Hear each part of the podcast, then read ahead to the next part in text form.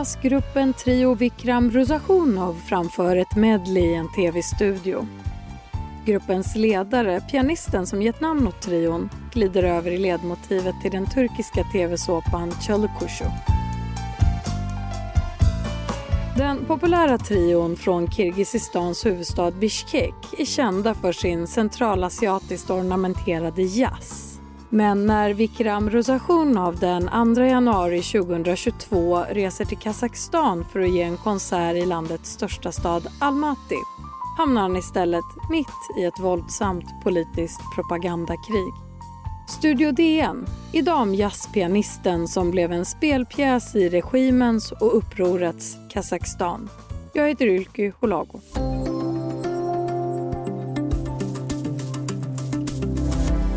Och med mig idag har jag Dagens Nyheters Rysslandskorrespondent Anna-Lena Laurén. Hej! Hej! Du är med oss idag hemifrån Sankt Petersburg och du följer ju det här fallet Ruzashunov och du har skrivit om det i Dagens Nyheter. Om vi tar det från början, vad är det han har råkat ut för? Ja, som du själv sa då, så Vikram Ruzahunov är alltså en jazzpianist och han leder en orkester som eh, väldigt ofta har haft spelningar i Kazakstan och det här var faktiskt den första spelningen på ett tag därför att det, det allt har ju varit stängt under, under coronapandemin. Och han var då bjuden till Almaty för att ha spelningar och hade åkt dit den 2 januari på en biljett som var köpt sedan länge.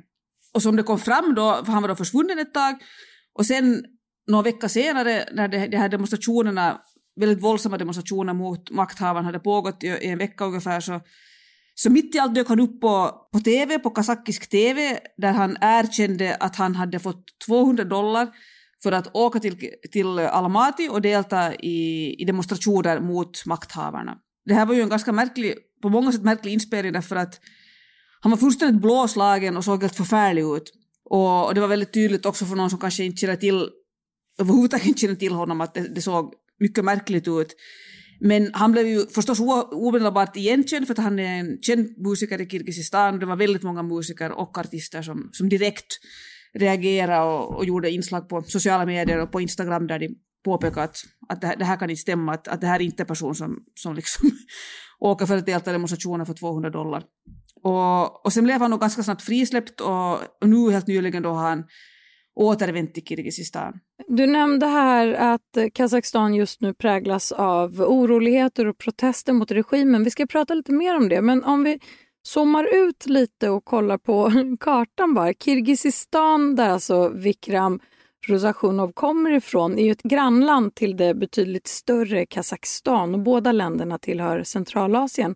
Vad innebär det geografiska läget för det politiska tillståndet i länderna? De gränsar ju också till stormakterna Ryssland och Kina. Precis, alltså Kirgizistan har ju ingen gräns mot Ryssland men har väldigt nära relationer till Ryssland, precis som Kazakstan. Och hela Centralasien är ju ett slags, det liksom ligger precis mellan Ryssland och Kina.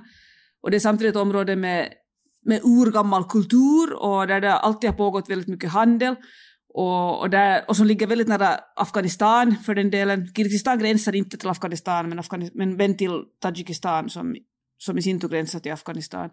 Så det är ett område som idag är fattigt och ekonomiskt ganska efterblivet, speciellt då Kirgizistan som tillhör de fattigaste centralasiatiska länderna. Medan Kazakstan som är det största centralasiatiska landet till territoriet så är det också det rikaste för de har väldigt stora olja, olje och gasfyndigheter.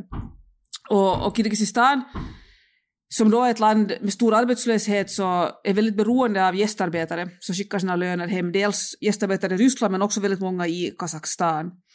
Och det här är ju en orsak till att det här med att, att greps, att just han blev gripen, och det gick alltså till så enligt honom själv att han hade kommit till Almaty, han hyrde en bostad och sen visade sen började demonstrationerna samma dag och sen satt han i bostaden i fem, sex dagar och sen beslöt att nu, nu får jag hem.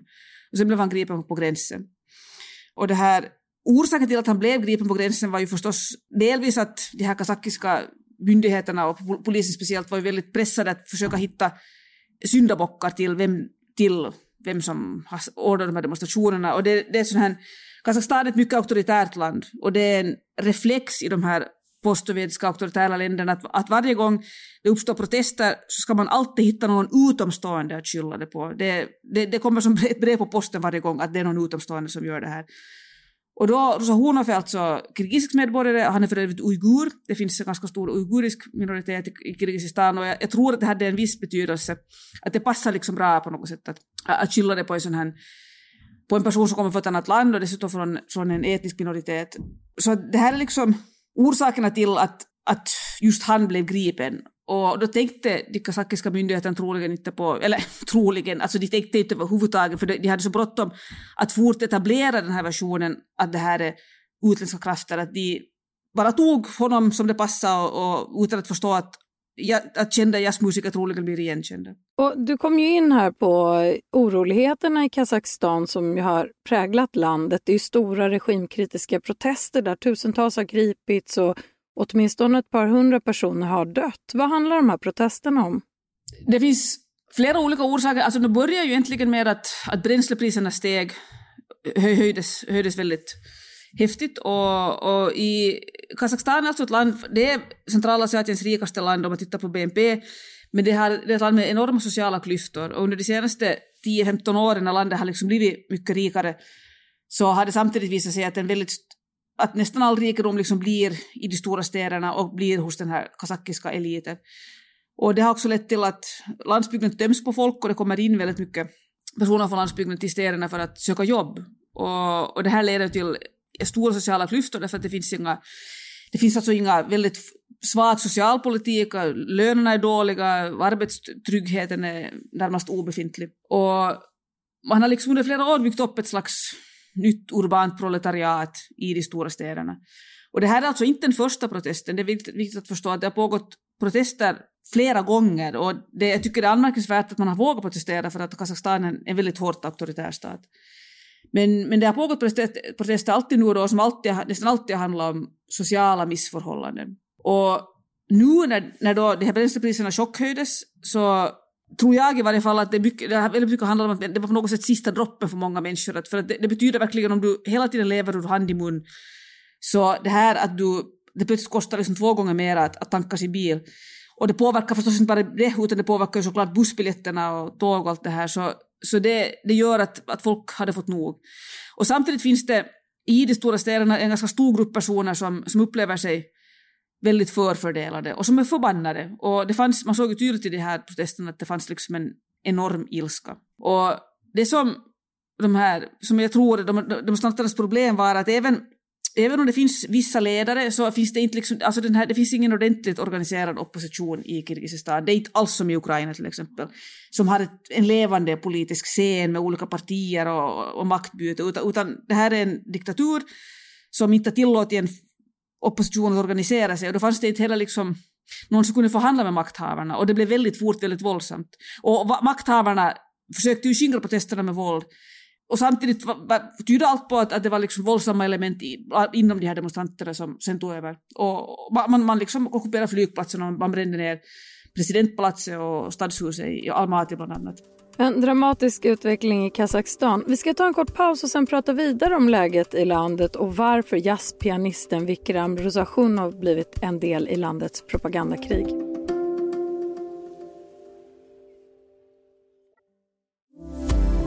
Du lyssnar på Studio DN. Idag om den kirgisiske jazzpianisten Vikram Rusashunov som under oklara omständigheter gripits, misshandlats och påståtts ha deltagit i protesterna i Kazakstan.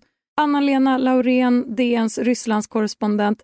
Varför har just Vikram Rusashunov dragits in i den här frågan? Det är verkligen en ren slump. Alltså, han var en kirgisisk medborgare som ville lämna Kazakstan efter att ha suttit och gömt sig i en bostad i, i fem, fyra, fem dagar. Han, han, gick ju inte ut ur bostaden medan demonstrationerna pågick. Så, sen ville han åka hem och så blev han gripen på gränsen.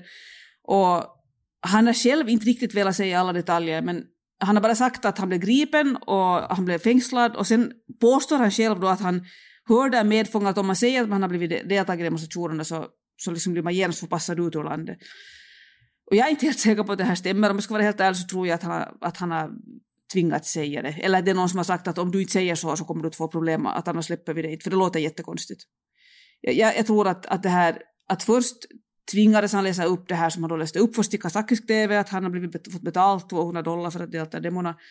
Och sen när, när det blev en skandal då släpptes han, men, men allt tyder på att Alltså hans sätt när han uppträdde i den här tv-intervjun som jag såg på nätet när han kom tillbaka till Kirgizistan, så det var ju inte en, det var ju inte en befriad, lycklig människa som kom, utan det var ju fortfarande en person som helt klart är hotad. Man såg det på honom och hans sätt att uttala sig, man såg allt det här.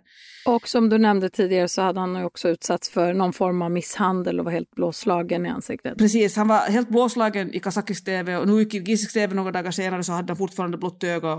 Alltså han har helt klart blivit både misshandlad och helt säkert hotad. Och, och det här innebär att exakt vad som har hänt tror jag, jag, jag, tror inte att vi vet allt som har hänt ännu. Men, men, men att han inte, han är alltså, det vet vi helt säkert att det här är inte en person som har fått betalt för att delta i demonstrationer i, i, Kirgis, i Kazakstan. I din artikel om det här fallet i Dagens Nyheter så nämner du andra exempel på liknande fall i andra länder och eh, du beskriver det som en slags eh, strategi. Vad, vad är det för slags strategi? No, det här är alltså en en reflex hos många postsovjetiska ledare och det, det, det, det, den är alltså helt tagen ur den bolsjevikiska handboken. Att man ska ljuga och förleda och, och man ska alltid snabbt hitta utomstående fiender och, och, och, speciellt när man får egna problem så ska man snabbt kunna skylla det på någon annan. Man ska aldrig erkänna ett misstag, man ska aldrig förhandla, man ska aldrig liksom backa, man ska aldrig tro gott om den andra utan man ska bara ljuga. Och Belarus president Alexander Lukasjenko är ju en expert på det här, det är exakt så han fungerar. Och i fjol, som vi kommer ihåg, så lyckades Lukasjenko på ett helt häpnadsväckande sätt tvinga ner ett civilt Ryanair-plan som flög från, från, det här, från Grekland till Litauen för att han visste att ombord fanns det en, en oberoende journalist vid namn Raman Pratasevich. Alltså Lukasjenko tvingade ner det här planet, grep Pratasevich och hans flickvän Sofia Sapega och, och därefter så tvingades den här Protasevich att i TV först erkänna att det var han som hade stod bakom demonstrationerna mot Lukasjenko då i fjol, alltså året innan, efter, efter valfusket när hela landet nästan demonstrerade mot Lukasjenko. Och det var han som hade planerat det. Alltså han tvingades erkänna en massa saker som naturligtvis inte är sanna. Och det var precis samma liksom det var så tydligt att han var tvingad till det och det var så tydligt att han läste upp någonting han hade blivit tillsagd till. Och det som förstås för oss då är jättemärkligt är att varför gör man det här? För alla förstår ju att det här är inte, att den här personen är tvingad. Men ur de här diktatorernas synvinkel så de bryr sig inte om det utan det, det viktiga är att man liksom får fram, får fram en, sin egen version och, och man gör det med våld om det behövs. Och, och sen kan man liksom fortsätta gå på i ullstrumporna. Och det, det är liksom ett väldigt, på något sätt arkaiskt sätt att fungera. Men det märkliga är att samtidigt som vi har då en modern värld och vi har liksom eh, informationen rör sig snabbt och människor kanske vet mera så alltså, betyder det också att propagandan rör sig snabbt. Och det är inte alls få människor som, som liksom tror på det här, och, eller de kanske inte tror på det till hundra procent. Men de kommer titta på det så kommer de säga att ja, no, kanske han är tvingad men det var nog någonting i varje fall att, att det är nog säkert så att det är många utlänningar som deltar. Att det är ju det som det handlar om att så tvivel. Och det lyckas de tyvärr väldigt bra med, de här diktatorerna. Om vi tittar lite närmare på det politiska läget i Kazakstan och eh, just gränslandet mot Ryssland. Vilken roll spelar Ryssland i det som pågår i Kazakstan just nu? Vilken roll vill Ryssland ha i det här läget? Ja, här måste jag faktiskt säga att för en gångs skull så går det inte att skylla på Ryssland. det, eller egentligen var det samma sak i Belarus. Alltså, det, det, jag tycker det är bra att du ställer den där frågan, för ofta tror man ju att, att Ryssland står bakom allt. När det gällde konflikten i Ukraina så hade Ryssland verkligen sina fingrar, fingrar med överallt, men när det gäller Belarus så var det ju inte så, och när det gäller Kazakstan nu så är, så är det här faktiskt ingenting som Ryssland överhuvudtaget har önskat sig. Att det är tvärtom väldigt problematiskt och mycket otrevligt ur Putins synvinkel. Att det är Varför då? För att han är, det är just att en diktator precis som han själv, som är för övrigt är hans vän, hans personliga vän, Nursultan Nazarbayev, och som har, precis som Putin har varit president enväldig i många, flera decennier och sen Nazarbayev är tio år äldre än Putin och han avgick för två år sedan men skapade en reträttpost åt sig. Han blev på livstid ordförande för säkerhetsrådet. Och i Ryssland ryktas det mycket om att det är just något sånt här som Putin planerar för sig själv också. Putin fyller ju 70 snart och han kommer också till något skede att att måste lämna makten. Och då, och då tror många att det här Nazarbayevs exempel var, var liksom någonting som han kanske har funderat på. Och det är inte alls trevligt för Putin att se Nazarbayevs staty ligga på gatorna. Att det, det, det, liksom, det, det är mest problematiskt. Samtidigt har ju Ryssland nu i och med att, att Kazakstan var tvungen att skicka in, att, att, att ansöka om, om fredsbevarare, framförallt då ryska fredsbevarare, så, så kallade fredsbevarare, det var ju fallskärmsjägare i praktiken, så är det klart att ur Kremls synvinkel är det bra att man nu har igen kunnat liksom stärka sitt inflytande i Kazakstan och man, man har framförallt kunnat visa att Kazakstan klarar sig inte utan oss. Men om du frågar mig så jag tror inte alls att Putin vill ha det här. För att alla sådana oroligheter och demonstrationer, som, precis som i Belarus för två år sedan, så är otrevligt för honom. För att Ryssland har också haft mycket demonstrationer i fjol mot Putin och här finns också ett stort missnöje mot honom. Så han, det här liksom ger ett exempel som han helst inte skulle vilja se. Men vad kommer de här missnöjesyttringarna i den större regionen att ta vägen, tror du? Det är en bra fråga. Alltså om man tar Kazakstan specifikt så är jag helt säker på att det kommer inte att försvinna någonstans. För att missnöje med de sociala orättvisorna är så stort. Och det här är ju också någonting som, det, jag tycker det är så otroligt talande, det säger så mycket om hur auktoritära regimer glömmer saker. Alltså att de, jag menar, Kazakstan är ett så rikt land som man kunde faktiskt ha kunnat bygga upp åtminstone en lite starkare välfärdsstat. Men, men det var liksom man, det har absolut inte varit deras prioritet, utan det enda man prioriterar är att, att de ledande personerna ska kunna stjäla så mycket som möjligt. Och nu har man kanske fått sig en liten tankeställare, men samtidigt är det, kas kazakiska ledarskapet väldigt, alltså de är livrädda just nu. Så det vi kan vänta oss nu är väldigt hårda, alltså väldigt hård politik och att man hårt slår ner demonstrationer. Men eftersom missnöje är kvar så, så nu, kom, nu kommer det att komma nya förr eller senare, det är jag helt säker på. Detsamma gäller Belarus och det gäller också Ryssland. Det här fallet med jazzpianisten Vikram Rosashunov har ju väckt stor uppmärksamhet som du har varit inne på, inte minst på sociala medier och Kirgizistan har ju också riktat kritik mot Kazakstan. Hur, kan du ge några exempel på hur den här kritiken låter? Det intressanta är att, att det som det är, fram, det är framförallt folkliga yttringar som, alltså krigiska medborgare som har varit upprörda och dels har det då varit flera olika musiker som har, och artister som har uttryckt sig på, på nätet, alltså på Instagram framförallt. Instagram är post, många postsovjetiska länders absolut viktigaste nyhetsbyrå.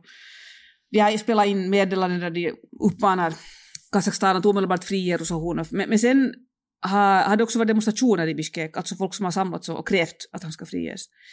Medan sen den kirgisiska allmänna åtalaren har, har skickat en ansökan till Kazakstan om att man ska liksom utreda hur det här gick till egentligen. Men Kirgistans president har sagt att, att vi ska se vad som händer och, och vi ska, vi ska liksom följa med nu vilka nyheter som kommer fram. Han har haft en väldigt försonlig linje. Vilket, om jag ska vara helt ärlig, kanske lite har förvånat mig eftersom Kirgizistan är ju inte en diktatur utan det är ett ganska öppet samhälle. Och presidenten vet att folk är väldigt förbannade på det här. Alltså det, det är en stark reaktion i det kirgiziska civilsamhället som är det livligaste av alla centralasiatiska länders. Så mycket tyder ju på att, alltså det här försiktiga svaret från Kirgizistans president så tyder ju på att han själv är lite ängslig. För Kazakstan, Kirgizistan är ju ett land som har revolutioner och demonstrationer hela tiden. Alltså det, har varit, det är väldigt snabbt som protester uppstår här. Och, och troligen vill han inte ha en massa protester mot, mot Kazakstan, för, för Kazakstan är väldigt viktigt för den kirgiziska ekonomin. Alltså det bor tiotusentals kirgiziska gästarbetare i Kazakstan och, och man behöver hålla gränsen öppen. Slutligen, vad händer härnäst i Kazakstan som ju har präglats av de här protesterna de senaste veckorna? Det kommer att vara mycket hård politik. Alltså det kommer att vara över 7000 personer, säkert fler ju vid det här läget, är gripna. Det kommer att vara skåderättegångar, alltså sådana skådespel där man liksom får fram de här skyldiga och de ska ångra sig och sen kommer det två långa fängelsedomar det är väldigt viktigt för regimen att statuera exempel, att så här går det för den som vågar protestera. Så det, det är inga trevliga saker vi har att vänta. Men som sagt, jag är helt säker på att de här protesterna kommer att fortsätta förr eller senare. För att de här missförhållandena är ju fortfarande kvar och de har inte försvunnit någonstans. Tack så mycket, Anna-Lena Laurén, Rysslands korrespondent här på Dagens Nyheter. Tack. Om du vill kontakta oss så går det bra att mejla till studiodn dn.se och kom ihåg att prenumerera på Studio DN där du lyssnar på poddar så missar du inga av våra avsnitt. Studio DN görs för Podplay av producent Sabina Marmulakai, ljudtekniker Patrik Misenberger, teknik Oliver Bergman på Bauer Media och jag heter Ylke Holago.